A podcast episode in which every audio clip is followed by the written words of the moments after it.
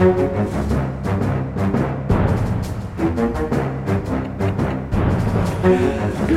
nei, nå tror jeg vi starter. Ja da da. er vi i gang med denne ukens Aftenpodden. Det er torsdag, og det skjer vanvittige ting i norsk politikk. Eh, Drama som aldri eh, stopper opp. Eh, Trine Eilertsen har reist på høstferie og sitter et eller annet sted på fjellet eller ute i fjorden eller hva man nå gjør når man er borte fra jobb. Nei, hun kan angre, i hvert fall. Ja, så vi, vi leker hjemme alene. Sara Sørheim, god dag, god dag. Hei! Kjetil Alstein, god dag, god dag. Hallo. Så er vi på plass. Det er så mye rart som skjer denne uka og i 2020 at eh, vi får bare se om vi klarer å, å pakke alt sammen inn i et stykke lite podkast. Hvis dette var en, en normal uke, så hadde vi jo tenkt at det at Carl I. Hagen nå er innstilt som toppkandidat for Oppland Fremskrittsparti, var noe å snakke om. Men det er det jo ikke. Det er helt glemt, faktisk. Altså, Carl I. Hagen gjør noe så kjedelig som å forsøke å stille på to stortingslister, men for samme parti. Ja, boring. Det vi snakker om denne uka, er jo at det, det endrer seg hele tida. Vi prata jo så vidt om, om demokratiets dansegulv i forrige uke. Her er det mer en slags politisk sånn swingersfest. Der eh, det oppstår nye konstellasjoner eh, dag for dag. Alle kaster nøklene sine i, i bollen og så plukker opp og går hjem med, med ulike. Eventuelt om dette er veggprydens opprør. Endelig slår de tilbake. Ja, det kan jo godt være, for her er det de forsmådde politikeres mulighet til en, eh, en sjanse nummer to. Særlig fint at folk tydeligvis har tenkt nå Det Norge trenger nå, ja, Det er meg. det er norsk politikk. Ja, ikke bare meg. Det vi trenger, er litt flere småpartier.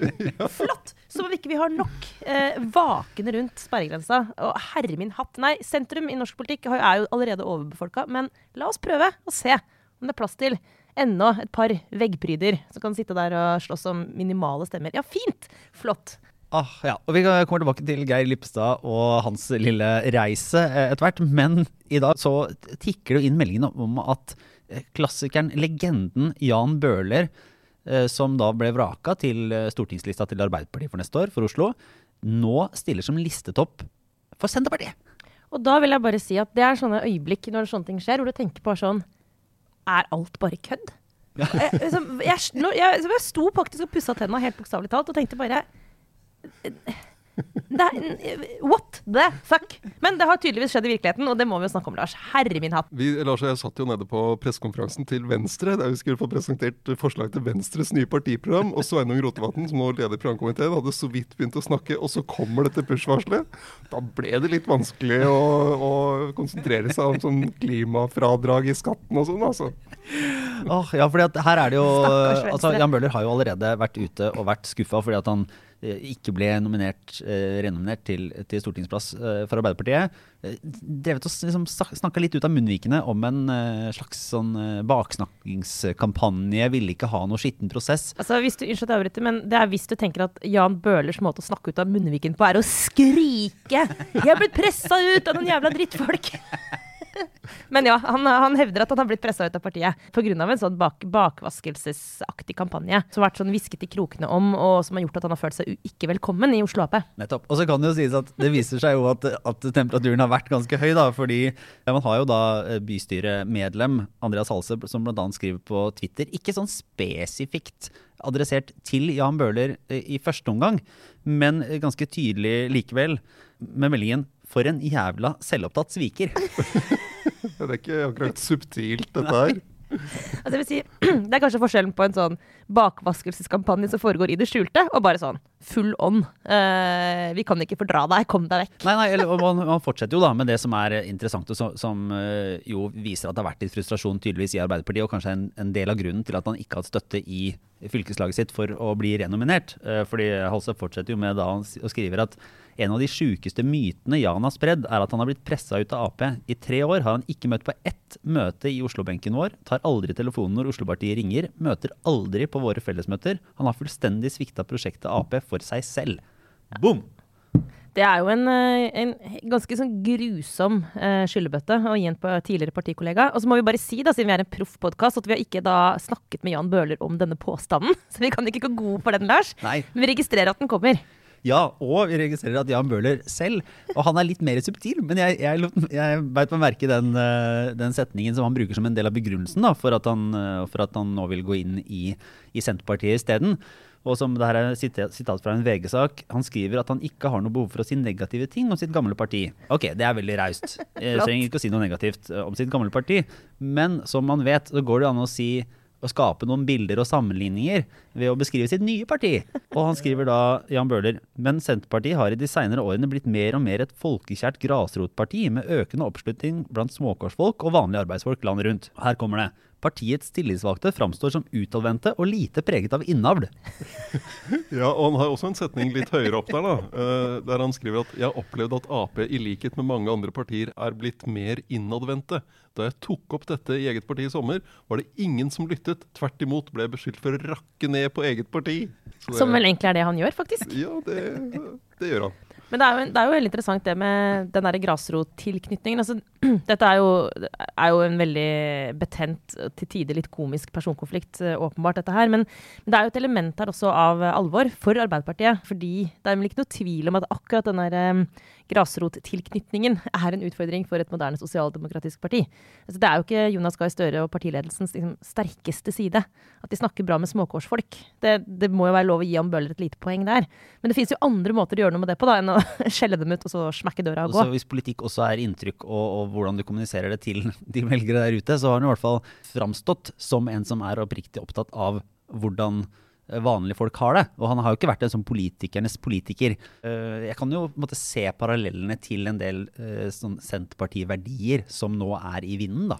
Men, men hvis han skal være en effektiv eh, representant for de menneskene han vil eh, stå opp for, altså folk i Groruddalen, så må han jo også dra det engasjementet inn i partiet og delta på de møtene som da Andreas Hase sier at han ikke kommer på, for å, for å få dette til å bli politikk og få gjennomslag og få gjort ting. Så hvis han, det å bare drive et sånn solospill og reise rundt med forskjellige capser som han gjør, eh, det holder jo ikke hvis du skal eh, ha gjennomført noe. Og så er det jo interessant å se om han faktisk kommer inn for Senterpartiet i eh, Oslo, og hvilke konsekvenser det får rent sånn politisk også. Eh, nå har han gått ut av gruppa, så jeg, på Stortinget, altså Arbeiderpartiets eh, gruppe. Og eh, skal jo da være Jeg vet ikke hvordan det funker rent teknisk. Kan du bli en uavhengig Ja, representant, Kan, eller? ja, han kan jo, hvis Når han melder seg inn i Senterpartiet, så kan han jo for så vidt gå inn i Senterpartiets gruppe, men han sier jo også at han skal, vil forholde seg til det programmet han er valgt på. Så, øh, så er det klart at Arbeiderpartiet og Senterpartiet vil møtes i mange saker, men øh, ja, det, det kan bli en liten sånn pikant sak. Men, det, Men- spørsmålet er om vi egentlig burde sett dette i sommer. Eh, Vi snakket jo om den eh, videoen han eh, la ut på sangen. Den sommerbildene våre. Og hvis dere husker fra den videoen, som er, det er jo en sterk video, så dukker han da bl.a. opp med ansiktet i et jordbær. Ja, et norsk, et En norsk norsk jordbær. i, sammen med fløte. På den annen side så dukker han også opp med ansiktet sitt i en avokado, som jeg Det er antar ikke er norsk, ja, er ikke- og en sol, litt Altså, er dette her- internasjonal. Dette er sånne ting som jeg verner meg selv mot. Som voksen så har jeg sånn tenkt at jeg må faktisk passe litt på hva som slipper inn i hodet mitt. Og det her er en av de tingene jeg faktisk da har aktivt valgt å ikke se. Det er Jan Bøhlers musikkvideoer. Men, men jeg, jeg, jeg tar imot. Altså, dere skaper bilder i hodet mitt som holder lenge. Eh, men for å komme inn så må de ha omtrent var det 6000 stemmer mer enn det de hadde sist. tenk- Altså, de hadde vel 2% i Oslo eh, ved forrige valg, Senterpartiet. Og eh, hvis jeg skjønner dette riktig, så må de opp på rundt fire for å ha sjanse for å komme inn eh, på, på Stortinget. Og det er ganske mange tusen stemmer.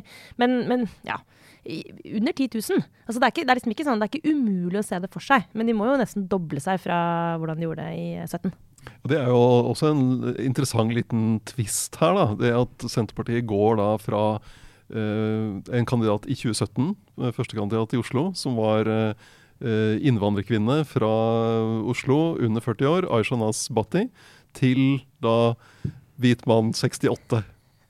Det er også en interessant eh, utskifting. Men en som, eh, en som støtter eh, Jan Bøhler, i hvert fall i, hvert fall i går mens han var i Arbeiderpartiet, så vet vi ikke helt hvordan det henger sammen i dag. Det er jo av alle Trond Giske. Ja, og det her liksom, Hvis dere skal se for dere nå, kjære lyttere, hvordan jeg har det nå, så har jeg det som den der emojien med sånn hjerne som sprenger. og nå må jeg understreke at dette er ren spekulasjon. Men, men Trond Giske skrev en veldig rørende, hyggelig for Jan Bøhler, tror jeg. Tekst på Facebook i går hvor han sier at han anbefaler eh, boka 'Østkantfolk', eh, eller 'Østkantmann', eller hva det heter for noe.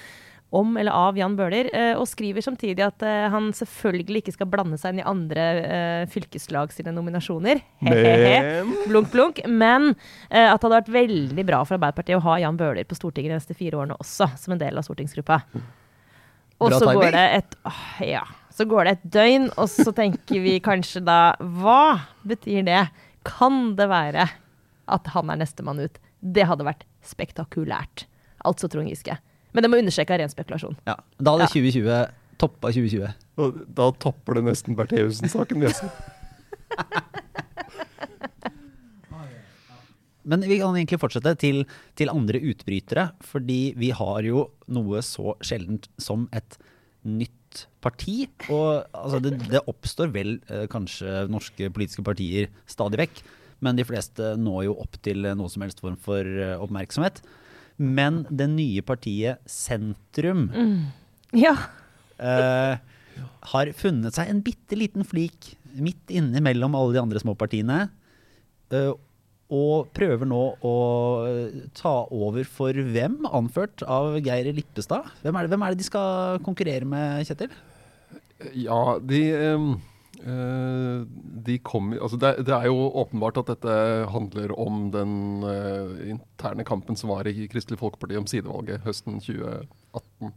Eh, og så, så det er jo mange av de, eller virker som det er en del fra rød side i KrF, som da vil et, eh, være med på dette nye partiet. Så de vil jo kunne kanskje ta noen velgere fra KrF, kanskje noen fra tidligere Arbeiderpartifolk, eh, kanskje noen MDG, Det er jo en MDG-politiker også, som før det var KrF-er.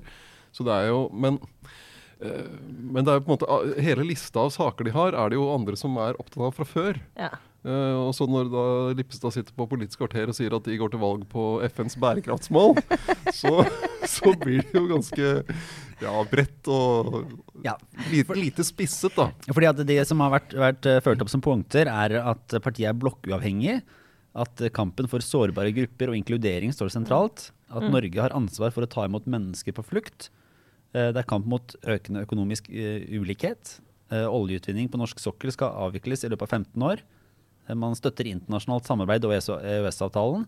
Og skal ha en aktiv nasjonal eierskapspolitikk. Det er vel i praksis punktene til MDG? Om, om kanskje, kanskje bortsett fra kampen for sårbare grupper og inkludering, men det er jo Det er ikke som at MDG er sånn uttalt mot det. Nei til inkludering. Ja. Nei Altså- til å beskytte sårbare grupper. Det tar vi avstand fra. Og så er de jo enda mindre blokkuavhengig enn MDG, da, selv om også MDG åpenbart vil uh, bytte regjering. Så sier jo, sier jo Lipstad at de er blokkuavhengige på, en- på venstrum-sentrumsiden. sentrumsiden. Så Men er det i det hele tatt noen grunn til å tro at uh, dette vil få altså, Kan dette fenge liksom, noen? Det er en liten gruppe sånne godhetsekstremister kanskje, som sitter et eller annet sted og tenker at de skulle hatt enda et alternativ å stemme på midt i sentrum. Men er det sånn at sinnelagsetikken har for dårlig tilbud i norsk partiflora? Det er litt usikker. Ja, ja, men det er jo greit nok da å være sånn kynikere og etablerte partier. Ingen andre partier vil jo ønske et nytt parti velkommen, uh, antageligvis. Eh, men det kan jo hende. Det er jo av og til det er sånn at det er lettere med en startup enn et etablert eh, som parti. Du kan jo på en måte begynne noe som, som kan definere litt fra, fra, fra begynnelsen av, ja, og slipper å forholde deg til liksom gamle sånne arve, arvesynder og, og arvegods. Ja, det tror jeg en av de største liksom, livsløgnene vi lever på i vår liksom, tid. Det er at det, liksom, det beste er en startup. Nei, det går som regel til helvete. Altså, det er faktisk dødsvanskelig å starte noe. Det, det som går best, er store, etablerte, liksom, tunge aktører som har holdt på i en evighet. Altså, så en sjelden gang kommer det en liten sånn distrupsjonsaktig aktør. Men altså, altså det, det går nesten aldri. Og det er jo, bare Tenk alle disse gutta i hettegenser som, eh, som du har sett på internett, som har starta et eller annet vindmaskin- eller solenergiselskap. Sånn, har du hørt noe siden? Nei. Jepp. Men er det, for det jeg lurer på, det, det, som, eh, det, det spørsmålet er jo litt her om sentrum på en måte lever eller er dødt i norsk politikk. For da har man har jo Snakker du om sentrum, det nye partiet? Ja, ja, begge deler. Men beskrivelsen av oss- flere partier? Her vil jeg si at det er en utfordring uh, med en gang. Og det ble jo også uh, bare spurt her på sosiale medier om hva heter lokallagene. Er det Oslo sentrum, Bergen sentrum, Finnmark sentrum. Finnmark sentrum? Uh, altså Det kan ikke være Senterungdommen. Sånn der sentrums, ja, det, det, er, det er ting der. Men, men spørsmålet, de tenker jo da at det er et rom ikke sant, der KrF, Venstre, MDG, Senterpartiet har jeg glemt noen? uh, har beveget seg innafor et, et, eh, et sånn spekter som det vanligvis har vært en Jeg vet ikke hvor mange prosent de har fått til sammen. I underkant av 20? Ca. 20? Avhengig av hvor bra Senterpartiet har gjort det. Så det er jo ikke så mye, men de har jo da blitt mindre og mindre blokkuavhengige, da, for å si det sånn. Så alle har en eller annen plass. Og så høres det ut som sentrum baserer seg på at her oppstår det et politisk rom. Og da fins det politiske rommet? Ja, men det, det, det, oppsto Altså, det rommet, hvis det finnes, oppsto vel det øyeblikket KrF tok et lite skritt til høyre. Altså det øyeblikket KrF ble et uh, blått parti. Eh, I hvert fall for en periode, da. Altså da og, og Hareides avgang har jo kommet tilbake igjen som en Messias, så det er jo en sånn eh, ja, Jeg vet ikke helt hvor varig den endringen er, men det kan jo tenkes altså, hvis, opp, hvis jeg skal prøve å måte, være litt sånn konstruktiv her, da, for en gangs skyld, så oppsto det jo kanskje et lite rom der. Eh, nettopp for de menneskene som nå utgjør det nye partiet Sentrum. De ble nok litt eh, forlatt i politikken. Men eh, spørsmålet er liksom, er det flere enn noen titalls som befinner seg akkurat på det knappenålshodet, som er tidligere KrF-velger som eh, ikke lenger kjenner partiet fordi partiet liksom, uttalt støtter en borgerlig regjering. Altså, Hvor mange mennesker er det? Det kan være at det er akkurat nok eh, til å vippe KrF under sperregrensa. Eh, som jo er eh, sannsynligvis ganske få tusen velgere som kommer til å avgjøre. Eh, men det er liksom det, i beste fall den største måte, effekten det partiet kan ha på norsk politikk, tror jeg. Og da er spørsmålet er det er det det de egentlig vil? Bare egentlig bidra til å Ja, kanskje det er det de vil? Bidra til til å det- få det- KrF Dette hadde vært en kjempeartig konspirasjonsteori. da. Jeg tenkte at jeg sitter liksom på Youngstorget og tenker, Det som vil avgjøre valget neste år, er jo hvilke partier som kommer over sperregrensa. Hvis vi greier å dra KrF under, så øker det sjansen for at Jonas Gahr Støre blir statsminister. Er Nå ringer vi Geir Lipstad. Hør du, Geir, det gikk ikke så bra som næringsbyråd i Oslo, men du kan få en sjanse til. Vi skal lage et nytt parti. Agent, agent 007 Uh... Og så tenker de sånn, men dette er veldig kynisk og fælt. Hvis tenk hvis noen avslører at det er dette som er prosjektet vårt, hva skal vi gjøre for å unngå det? Jo! Vi bare sier at vi styrer etter bærekraftsmålene til FN. Yes! Det er ingen som kommer til å skjønne at liksom, vi er noe annet enn bare godhets, godhetenes liksom, hvite riddere. Også, men, men det verste er at det er vel ikke noe annet enn det, Kjetil. Du som sitter og nistirrer på alle disse målingene. Er ikke noe annet enn det som vi kan tenke at dette partiet vil eventuelt liksom, gjøre i norsk politikk? Nei, det er, det er, jeg syns det er vanskelig å, å se for seg. Altså, det, er jo ikke noe, det har jo ikke vært noe folkelig rop etter eh, et nytt parti i sentrum av norsk politikk. Og, og eh, sier, Geir Lipstad sier jo at det liksom strømmer på med henvendelser. Jeg bare prøvde å se på Facebook her, Facebook-siden til partiet Sentrum hadde fått 213 likes. Så det, det er mulig den er litt vanskelig å finne, eller noe sånt. Men uh, vi får se, da. De skal jo ha disse 5000 uh, eh, underskriftene, og så skal de jo stille lister og lage program. Altså. Det er mulig det bare futter ut. Altså. Ja. Ja, vi får se. Eh, Vi kan jo gå videre på det som eh, handler om altså nettopp program. Fordi vi var som sagt, eh, Kjetil Vi, vi troppa opp, du skulle sett oss, vi var en parodi på eh, Altså, vi er jo eh, partiuavhengige og alt mulig rart, men vi så ut som en parodi på venstrefolk. Der vi rulla opp samtidig på hver vår sykkel med sykkelhjelm utafor Gunnars generasjonsbar og, Torgata. i Torgata. Og trilla inn der for å høre på Sveinung Rotevatn, som la fram eh, førsteutkastet til Venstres eh, stortingsvalgprogram for eh, 2021. Største nyheten er at det er mye, mye kortere. Ja, Det er jo kjempebra. Altså, jeg merker allerede nå at jeg liksom er vennlig innstilt. Eh, Jo kortere, jo bedre. Hvor kort snakker vi? Var det noen og 40 sider? Ja, var rett under 50 sider. Ja. så var det De har jo vært oppe i eh, nesten 200 ja. sider. så- Så var det en kommentar på at eh, det muligens var litt større i format. Uh, altså et uh, Og bra triks. fysisk større, uh, færre sider. Mindre skrift. Ja. Men for oss som ikke er ni, på en måte, hva skal jeg si, som ikke legger opp livet vårt etter liksom, små krusninger blant partier midt i sentrum i norsk politikk, så var jeg ikke helt sikker på Bare gi meg en lit, litt som bakgrunn nå, for jeg har egentlig høstferie. Bare sånn til orientering. Venstre hva var det egentlig i dag? De la frem sitt nye partiprogram som de vedtok på landsmøtet. Nei, altså, eh, for å ta, her er det, Alt blir jo litt sånn koronaforflytta. ikke sant? Sånn at eh, Det landsmøtet som Venstre hadde nå nylig, der de fikk Guri Melby som, som leder, det skulle jo egentlig vært i vår. Altså Ja. våren 2020, men ble utsatt. Eh, Det førsteutkastet som kom nå, det er altså da har det sittet en programkomité med 15 medlemmer, som hørtes litt mange ut. Men det, det må jeg innrømme at jeg ikke har helt Til venstre hver er det veldig lite. I Venstre, enten det er i programkomité eller i kandidater til leder eller verv eller hva det er. Ja. Da vil jeg heller si sånn bare 15. Jøss, liksom. Men de hadde da, ja, så de la fram et forslag på da, jeg tror det var 48 sider, eh, som var et utkast som skal ligge ute til desember, da man skal komme med et andre utkast etter hvert. Og nå skal man ha debatt, da. Okay. Og så skal det vedtas på landsmøtet som kommer til våren igjen. Eh, og, så, og så Det er prosessen. Og Egentlig så var det Guri Melby som leda det arbeidet, men nå var det Sveinung Rotevatn som tok over, fordi Guri Melby som leder ikke skulle sitte og, og styre dette her. Så jeg vet ikke om vi skal ta en, en kort sånn eh, de viktigste punktene fra Venstres uh, forslag for 2021? Er det ja, vi ble jo litt spora av denne Bøhler-push-varselet, da. Men, uh, men det, de er jo altså For å gå rett inn i Det var jo på Gunnars generasjonsbar, og de prøver jo å ha dette generasjonsperspektivet, da, både på, på klima og sånn, men også på, i økonomisk politikk. og det uh, av regjeringspartiene så er det jo Venstre som har hatt det vondest med tanke på oljepengebruken. Og hvor ellevill den har vært ja. i, i, de årene med Erna Solberg som statsminister. Så et av de forslagene som ikke kommer til å få kommer å liksom skape bred folkelig entusiasme, men som er interessant, er at de vil uh, stramme inn på handlingsregelen. Som, ja. og at man, uh, det, man skal bruke mindre av oljepenger hvert år.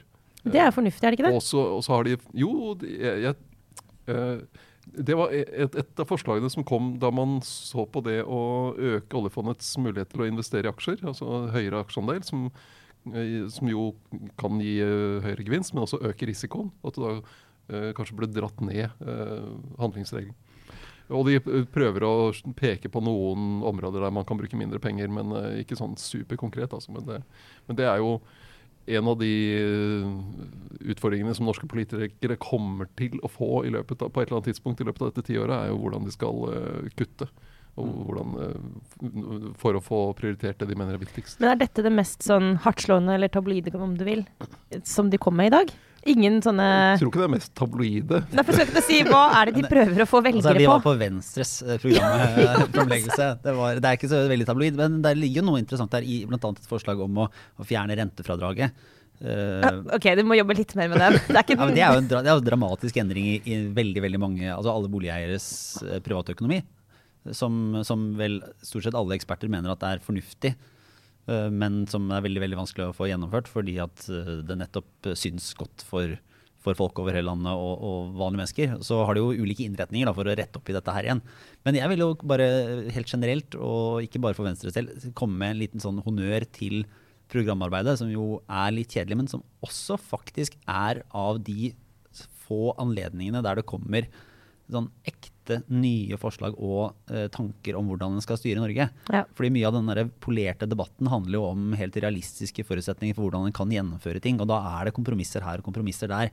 Men når partiene sitter og mener og tenker og av og til kommer på noe nytt, så skjer det jo i det små, og det kan starte som en liten setning i et eller annet partiprogram, men det vokser jo fram som en interessant politisk debatt. Og de, eh, det er liksom en viktig viktig eh, del av veien mot eh, politisk endring. Da. Så, så det kan jo få litt uh, honnør for både i Venstre og andre. Men det er jo interessant, som jeg egentlig var kort inne på i stad, at, at i Venstre så har de valgt at Sveinung Rotevatn tar over som leder av programkomiteen fordi Guri Melby forsto det sånn, fordi Guri Melby har blitt leder.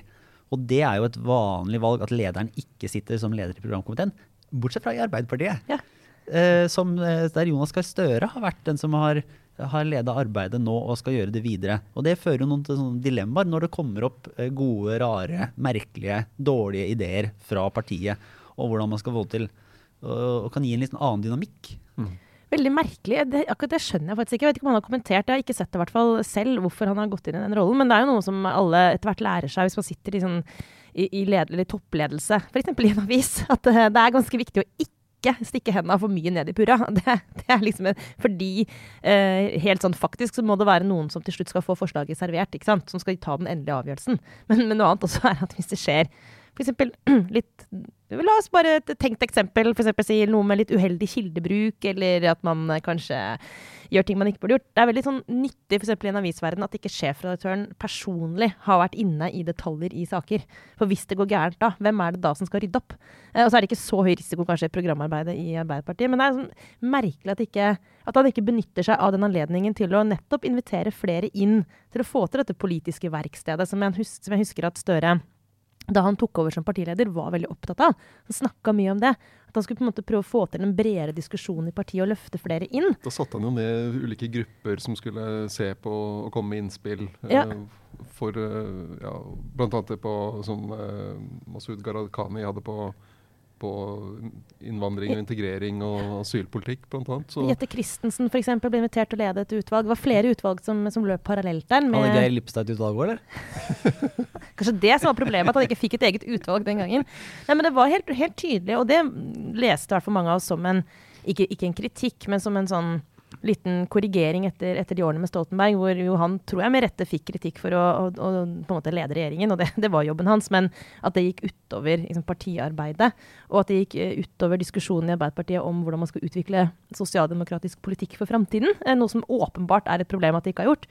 Så Støre skulle jo liksom få i gang det der, og så ender han opp her. vil jeg jo si at Det har jo ikke vært noe utprega problem i Arbeiderpartiet. Det har vært for strømlinjeforma og, og toppstyrt de siste par åra. Så det er mulig at, at, det ikke er noe sånn stort problem, egentlig. Men men hvis vi bare fortsetter videre også, så er det jo en interessant da en, an, altså, Det er litt spennende å se på hvordan de gjør det i Høyre. For der har de jo hatt både programarbeid og landsmøte.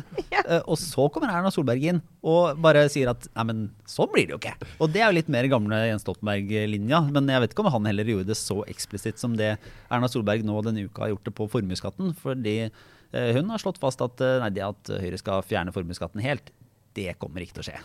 Ja, og Det er jo da bare nå straks tre uker siden de hadde landsmøte. Det var jo ikke programbehandling da, eh, men eh, de vedtok en uttalelse der, eh, der, det var et flertall som overkjørte ledelsen og fikk inn dette at hele formuesskatten skal bort.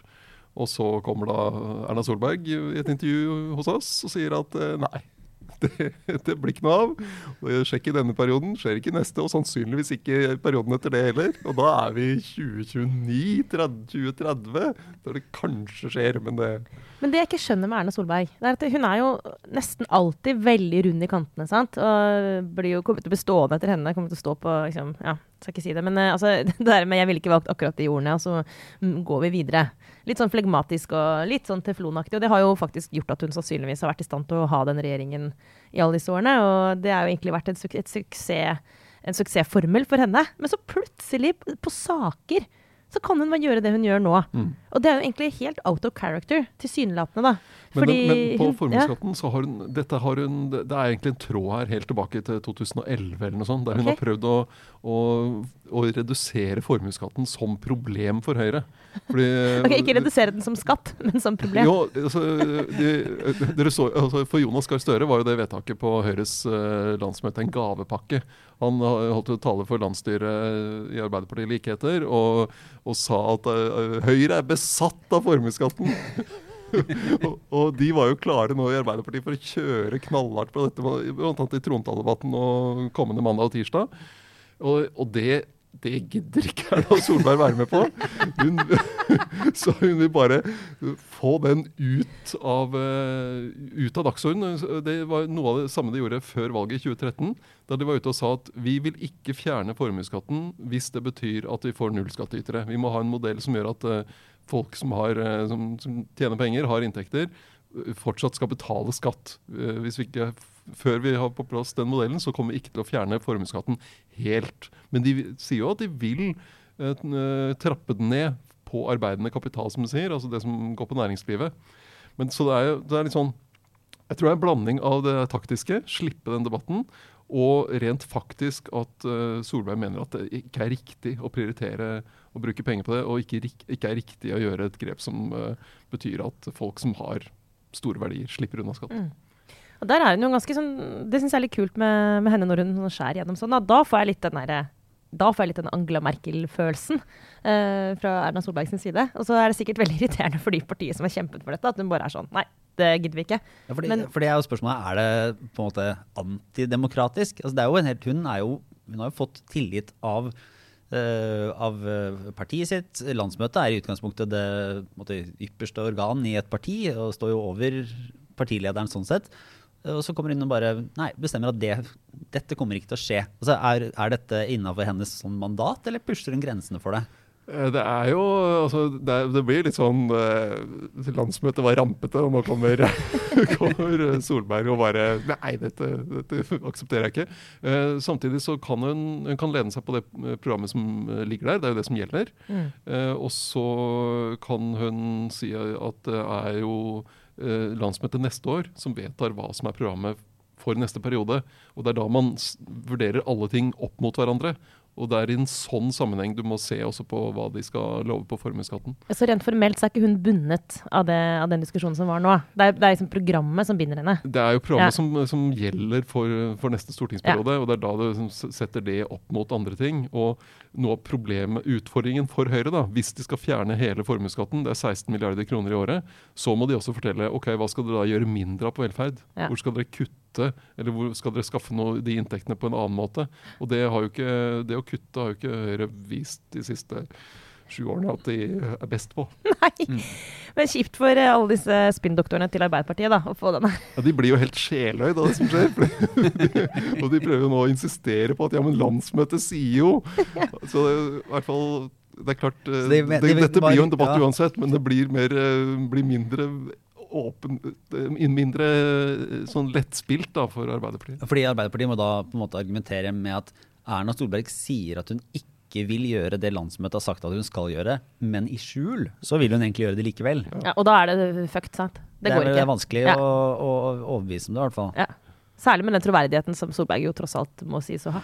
Ja, og litt også det at Hvis det var sånn at Høyre var besatt av å fjerne formuesskatten, hvorfor har de da ikke klart det på sju år i regjering? Det er dritt å være besatt av noe i sju år, ikke gjort noe med det. Sju år! Ja, er ikke, er ikke det Altså, det er livet til uh, KrF Uh?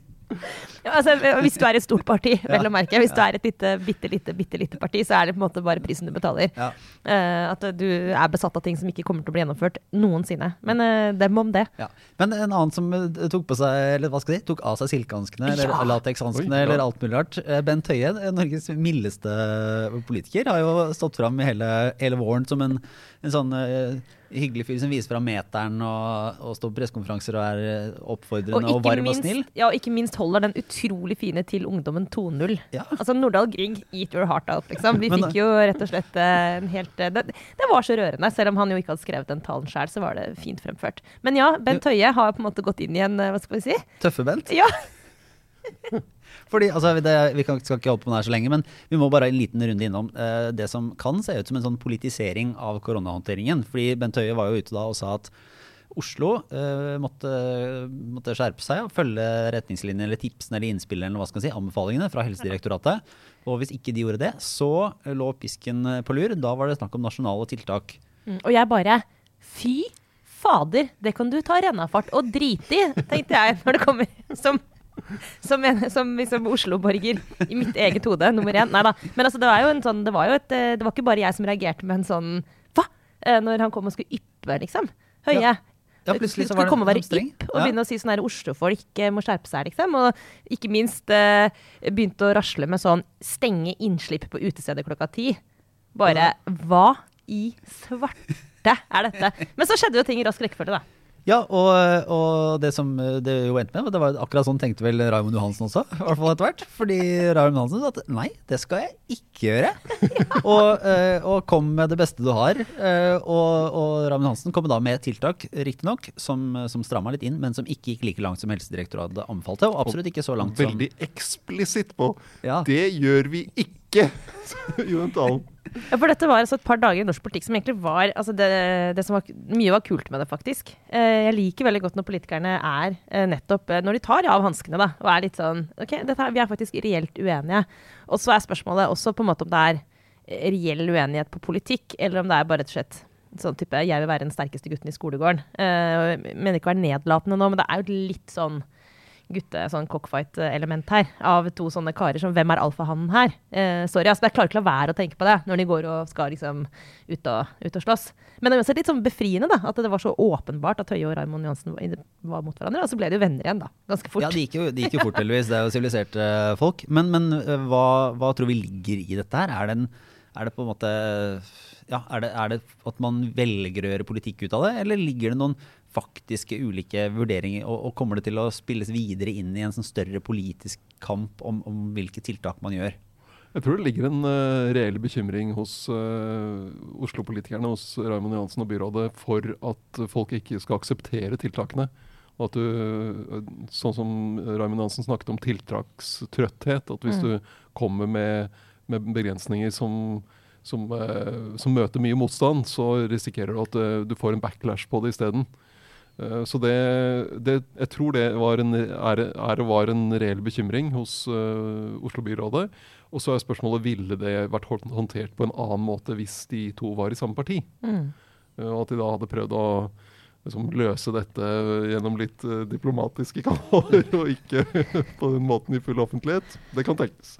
Men så er det jo også et element altså Vi må ikke glemme at uh, dette har vært en sånn eh, underliggende om ikke konflikt, det er kanskje å ta i, men en motsetning da, eh, hele veien siden mars. Uh, hvis vi husker tilbake til disse her tidlige marsdagene, så, så var jo Raymond Johansen i Oslo den gangen veldig hissig på grøten og eh, pressa jo veldig på for ganske sånn dramatiske tiltak, og gikk jo inn for å stenge skoler og barnehager før det kom et nasjonalt vedtak. Eh, og da husker du også Mette Fredriksen i Danmark, sant? sosialdemokratiske statsministeren der, som også var eh, litt eh, før ute. Snakker om timer her, da, men det, han var, det var en sånn markering fra Oslo. De kom jo med vi stenger skoler og barnehager noen timer før regjeringen gjorde det. Og Raymond Johansen var ute og var bekymret for at uh, Gardermoen ikke var stengt. Ja. Og så var det jo i, i påsken, da uh, byrådet ba om unntak fra, fra lukkeloven, sånn at eh, butikkene kunne være åpne på helligdagene for, Mm. for å slippe å få trengsel, og der regjeringen sa nei. Ja, Og jeg tror det irriterte øh, folk i regjeringsapparatet at øh, Raymond Johansen så, såpass øh, tydelig var kritisk til at de altså, Han satte dem i situasjonen hvor de fremsto som litt for treige, og det Mm. tror jeg irriterte folk i regjeringssystemet. Så eh, hytteforbudet, sant? hvis dere husker, det kom jo da, det var et politisk vedtak, det var ikke et smittevernsvedtak egentlig. Men det handlet jo om å verne lokale eh, eh, altså helsesystemer, altså type lokalsykehus, eh, legevakter osv. For en potensiell sånn, smittebølge fra Oslo-folk som var ute på, på, på påskeferie. ikke sant? Eh, og da ble det jo sånn at vi måtte holde oss, eh, altså ikke dra på hytta. Det var veldig upopulært i Oslo. Det var et, eh, et politisk vedtak som helt åpenbart eh, slo positivt ut for distriktene, og ikke for Oslo, hvor alle vi ble fanget inn i, innenfor Ring 2 liksom, og sto i kø på Joker og skulle, skulle være her i påsken. Det var en, eh, om ikke konflikt, men det var i hvert fall en utfordring, hvor det gnissa litt mellom det nasjonale og, og det lokale her i Oslo.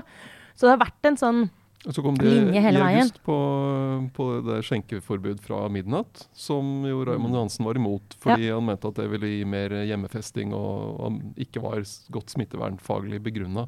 Så det har jo vært en del konflikter.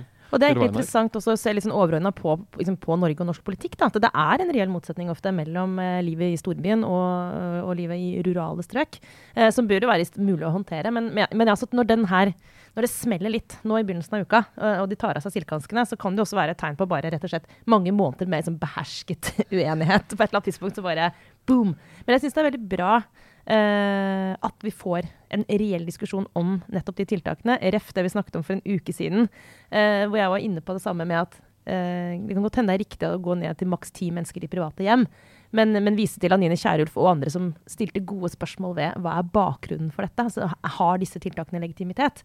Og jeg tror Raymond Johansen har helt rett i at hvis du tar det for langt, så slår det bare backlash. Eh, rett og slett. Og da begynner folk å få mistillit til at de tiltakene faktisk er nødvendige, og da er det jo egentlig over i da. Er det, jo en veldig stort, det kan være en potensiell krevende situasjon. Ja, og så var nok bekymringen fra Bent Høie og regjeringshold var altså de, Det kommer jo oppmykning i nasjonale, eller de varsler oppmykning i nasjonale tiltak nå. Og hvis det skal kunne gjennomføres, så må de altså, lokale utbrudd slås ned. Så de, de var, har nok vært bekymret for, hvis du sender et signal om at i Oslo så ja, ja, vi ser han litt, så blir det så, så kan du ikke lette de nasjonale tiltakene heller. Da får du et sånt signal ut til andre kommuner om at eh, det ikke er så nøye. Du kan se det litt hvis det kommer en oppblomstring, mens de vil ha liksom, massive tiltak med en gang for å slå ned smitten. Men nå, eh, bare for å runde av det da, Lars, du vil sikkert videre bare leser kroppsspråket ditt på at eh, du har jo sånn koronafatigue. Men, men eh, litt krevende uke som samfunnsborger. For sånn, først var det sånn, dere får ikke lov til å gå ut etter klokka ti. Og så bare, visst faen skal vi det. Og gøy, gøy kamp. Og så plutselig i går så kom regjeringen med sånn, ja, slipper vi opp på skjenkestopp. Nå kan dere drikke så lenge dere vil.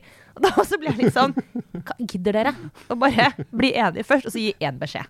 Sånn i barnehagen. Én, to, tre. Her kommer en beskjed. Du skal gå hjem ti, tolv eller tre. Jeg gjør som jeg får beskjed om, men gi meg en beskjed. Ja. Så da er vi tilbake der. Og, ja, og den eh, Pass på, ellers gir vi strengere regler. Funker ikke. Og så pass deg ikke på, og så gir de mildere regler. Det er også sånn, innbiller jeg meg, sånn pedagogisk eh, ettergivenhet som gjør det vanskelig å, å se videre. Men eh, vi skal Du vil at ja. eh, regjeringen og politikerne skal behandle oss som barn, altså, Sara? det, det håper jeg etter alle disse årene i denne podkasten har skint ganske kraftig gjennom. Ja! Hva ellers er det vi har dem til? Det er en grunn til at jeg ikke liksom er liberalist eh, og individualist, Kjetil. For jeg tror ikke på enkeltmenneskets evne til å ta gode valg for seg selv. Det er bare Men det. du tror at folk kan greie å parkere elsparkesykkelen på forsvarlig vis? Det tror du? Det trodde jeg i hvert fall. Tok en sjanse på det. Ja. Vi eh, får eh, gå eh, runde av med en liten runde obligatorisk refleksjon. Og der kan egentlig jeg begynne, eh, fordi jeg har mye, mye å tenke på. Nei, eh, først vil jeg bare takke de som har eh, hørt på USA-podene våre denne uka her. Det er som vi tidligere har annonsert nå eh, tilbudt til abonnenter. Eh, ikke lenger i alle de store podkastkanalene, men eh, det er mange som hører på likevel, og det setter vi pris på. Du kan gå til aftenpodden.no for å finne den korte versjonen. Jeg har også vært litt sånn tech-support og hjulpet folk som har ulike tekniske problemer, og vi jobber med løsningen for at det skal bli enda bedre. Det gjør du med eh, stor, stor, stor stor glede, Lars. eh, veldig, veldig stor glede. Eh, utpreget tålmodighet og forsøksvis eh, godt humør. Det ser jeg på. Men det som egentlig er viktigere, er at jeg går jo nå ut i pappaperm Ja, hele neste uke. Norge tar seg jo et minutts stillhet nå. Spill den lille fiolinen. Eh, sørg. Nei da, jeg skal uh, da ha pappa i noen måneder, men jeg skal fortsatt lage podkast. Så skal, uh, det skal være litt sånn gradert og allting. Men det jeg lurte på, nå, altså, når du først har en haug med lyttere som, som helt sikkert har gode ideer og, og vet hva som foregår og hva som er lurt, så tenkte jeg at jeg skulle liksom crowdsource litt ideer på hva er det man bør gjøre i pappaperm. Da tenker jeg ikke sånn, uh, som, altså, sånn som noen veldig sånn arbeidsnarkomane gjør, å sette seg ned og skrive en bok. Eh, ikke den biten, men mer sånn eh, aktiviteter. Hva er det som er eh, life hacks på eh, pappapermlivet? Så det tar jeg gjerne imot eh, på Facebook-siden. Ja, du er så søt, eh, Lars. Eh, Du tror liksom at du skal gjøre mange ting. altså, det, det du, du skal ta deg av dette barnet, det er egentlig det. Ja, men det Altså, eh, ja, ja, dere, kjære lyttere, spill gjerne inn til Lars. og Han trenger det, han. Og han, du kan jo få knust drømmene dine sjøl, istedenfor at jeg skal gjøre det for deg, liksom. Men eh, det, det poenget er at det eneste som gjelder i, i pappaperm, eller mammaperm, er å ikke gjøre en dritt. Altså ikke ha planer.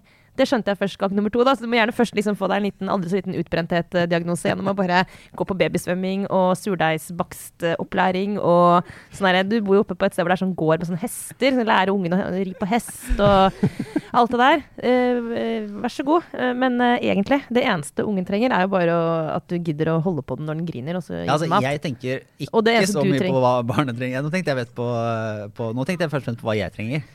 Da skrudde Siri seg på på telefonen min, faktisk, eh, som skjer innimellom. Så var det sånn, Eh, eh, gi meg råd om pappaperm.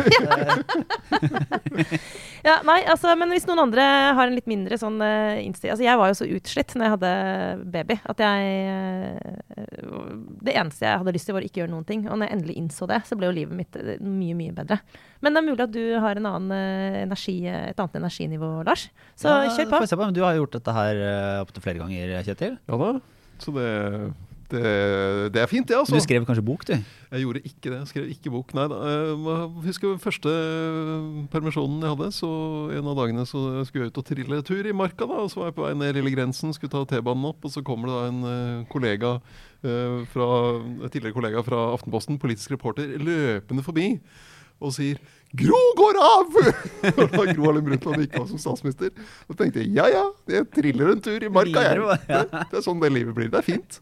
Ja ja, vi får satse på at eh, det funker. Men jeg, ja, ja. Hvis, noen, hvis, eh, hvis noen har gode råd og gode ideer og life hacks på dette her, så, så del det med meg på Facebook-siden vår. Og så skal vi se om ikke det kan løse seg på et vis. Men eh, for eh, de som måtte være interessert, jeg kommer til å fortsette med podkasten, så, så det skjer videre helt uavbrutt. Åssen er det med deg, Sara? Har du noen uh, refleksjoner inn i helgen? Ja, altså jeg har jo da, kan jeg fortelle deg, Lars, etter hva er det nå, er, snart sju år eh, som småbarnsmor, endelig eh, klart å begynne å lese bøker igjen. Eh, Gratulerer. faktisk. Ja, tusen takk. Det, det betyr faktisk at jeg ikke liksom sovner etter å ha lest en halv side, noe som jeg har gjort i alle disse årene. Eh, og nå innrømmer jeg jo gladelig at alt jeg har sagt om litteratur de siste sju årene, har vært basert på at jeg har lest Vaskeseddelen og én anmeldelse maks. Men eh, nå leser jeg faktisk bøker på ekte. Så nå har jeg lest to bøker, så jeg skal ikke dra det her i detalj. Jeg skal bare si at jeg har en, en anbefaling og en hva skal vi si for noe? En avanbefaling. En advarsel? Det er kanskje det motsatte av anbefaling. jeg begynte å lese Knausgård. 'Morgenstjernen'. Jeg har fått ganske gode kritikker, men litt blanda. Men jeg tenker at jeg elsket jo Min Kamp-bøkene, virkelig. Altså, bortsett fra den siste som jeg ikke orket å lese. Da hadde jeg fått nok. Men jeg tenkte Men, ja. Ja. Jeg tror, er det ikke litt som med, med Min Kamp-bøkene som det er med avisartikler? At det er egentlig ingen som kommer til bunnen. Altså. Man har iallfall lest alle sammen. Jeg, jeg leste to eller tre første. Jeg veldig, likte dem veldig godt. Men Ja. eh, det gikk jo ikke an å komme helt til slutt. Nei, jeg tror det er for de spesielt interesserte. Men eh, nå likte jeg litt at han har gått inn i fiksjonen igjen og faktisk eh, virket det som, da, i- sånn, ut fra anmeldelsene, ikke skrevet en bok om seg selv. Eh, så tenkte jeg jøss, yes, forfriskende. Kanskje prøve å lese det. Og så begynner jeg å lese, og så er det sånn Det er jo mange karakterer i den romanen. Eh, men liksom, jeg tror, da nå kan hende jeg tar feil, men jeg har bare følt at alle de er eh, også Karl Ove Knausgård. bare liksom enda flere utgaver av han. Liksom alle avskygninger av hans, hans litterære jeg. da. Eh, og så begynte jeg å lese, og så kjente jeg bare dette her, hva, det er, Jeg orker ikke mer. Det er altså et så kunstlig, er det et ord? Sånn opphøyd og pompøst eh, språk. Eh, som jo tegner et bilde av liksom, menneskeheten som står overfor enorme farer, og at det er liksom, veldig sånn guffent mellom linjene. Det er, sånn, det er en dystopisk stemning i hele romanen. Eh, men jeg, det er jo også en dystopisk stemning nå i hele verden. Ja. Så jeg kjente bare at det, jeg tror ikke jeg orker mer sånn Og dette er personlig, bare. Jeg kan godt skjønne at mange syns dette er fantastisk å lese, men for min del var det bare sånn Dette gidder jeg ikke mer. Jeg, jeg orker ikke sånn, orker ikke sånn der, eh, onanering på eh, menneskehetens undergang eh, i et sånn kunstig opphøyd språk. Takk for meg. Så den måtte, la jeg bare bort. Eh, Det var ikke anbefalingen, antar jeg? det var advarselen. Ja. Det er utrolig eh, ordrik og irriterende bok, eh, som minner meg om sånn, sånne menn som sitter på nachspiel og prater altfor mye. Jeg er jo en sånn dame på nachspiel som prater altfor mye, så jeg vil heller snakke selv. Så da kom jeg med anbefalingen isteden. Og det er eh, litt sent til festen, men eh, for de som ikke har lest den ennå, Åsa Lindeborgs eh, dagboksbok, godt sagt. Eh, året med 13 måneder, hvor hun, eh, hun skriver om sitt liv fra metoo-sakene startet i Aftonbladet, hvor hun var kultursjef, eh, og et drøyt år frem i tid, fra høsten 2017 og fremover, som er en veldig veldig privat, personlig beretning. Det er jo faktisk hennes dagbok, litt bearbeida, men som også tar for seg noen av de store, både selvfølgelig metoo i svensk presse, men også gir en veldig god beskrivelse av hvordan det er å jobbe i et avishus i en sånn evig krise, eh, og gir et godt innblikk i liksom, hvordan situasjonen er i mediebransjen. Eh, og så kan man si mye om Åsa Lindeborg. Hun er jo eh, sånn jeg, altså, jeg er ikke enig med alt hun står for, eller alt hun har sagt eller skrevet de siste årene, men hun er jo en utrolig kul skribent. Og så gir hun et veldig godt innblikk i mange av de helt reelt problematiske sidene ved eh, metoo-dekningen til svenske medier, som hun har vært veldig kritisk mot. Hva er det den heter for noe? Igjen, Eh, bare så vi- eh, boka. Ja. 'Året med 13 måneder'. Og så kan jeg legge til, da. Det er altså veldig gøy, bare som en ren sånn. Altså, det er veldig veldig gøy, for at hun forteller jo masse hun ikke burde fortalt om, om folk og fe. Det hjelper jo aldri på. Det hjelper ja. Og så er det det, Kjetil. En på tampen her, en liten Ja, eh, det er jo en historisk dag eh, denne uka i norsk politikk. eh, når det er høytidelig åpning av Stortinget. Så jeg må jo jeg må anbefale at folk følger med på det. For det er, det er dobbelt historisk. Det er jo pga. koronasituasjonen. Så de, de har jo da Er det på å- Teams? Altså, det kunne vært. Vanligvis stapper de jo salen full. Det er 750 mennesker inne i salen, og de har med representantene for å ha med gjester. Og du har eh, en sånn embetsmannsprosesjon som representerer da byråkratiet, som marsjer inn der. Og, Er det som en sånn der på jazzfestivalen i Molde, bare Eh, Og hele regjeringen og sånn. Og nå er det jo skalert ned, sånn at de skal greie å holde under 200 mennesker. Og så skal de korte ned, sånn at uh, trontalen blir kortere, og eh, den som leses på nynorsk, meldingen om rikets tilstand, blir kortere. kortere. og de har gjort, også gjort en endring. De skal ikke synge allsang lenger, for de skal ikke liksom synge 'Ja, vi elsker korona' over på hverandre. Så de skal ha et eget kor som synger. Og til og med antall kongelige er jo redusert fordi kongen er sykemeldt. Eh, Så det historiske blir da at kronprinsregenten skal eh, lese trontalen. Så Koselig for han, da. han får ha med seg moren sin, Altså. så det blir fint. Du, Unnskyld at jeg spør om dette. Eh, Jeg beklager på vegne av eh, Kongelig Norsk Telegrambyrå at ikke jeg vet dette her, men når er det? Det er eh, klokken 13, er det ikke det? 13 i morgen? Ja, i fredag. Fredag klokken Mm, 13. fredag klokken 13. ja, men da er det bare å Det er benke seg. bare, det er, du, Dette burde jo du vite, Sara, for det er nesten bare NTB som får slippe inn av presse. Ja. Men nå har jeg greid å snike meg til en plass, da, så Gratulerer med det. Jeg skal bare understreke at jeg har høstferie, egentlig, så jeg skylder på det. Ja. Nei, eh, med den eh, oppfordringen til eh, folkelig samling foran skjermene. Vi kan benke oss alle sammen og se den dobbelt, dobbelt historiske begivenheten og glede Koron, oss. Korontalen Ja. holdes i morgen. Med det så takker vi for oss for denne uka. Det er ny runde med Aftenposten USA på tirsdag, og vi er tilbake neste torsdag. Det var det for denne uken. Ha en god helg. Det var Aftenposten. Ha det bra.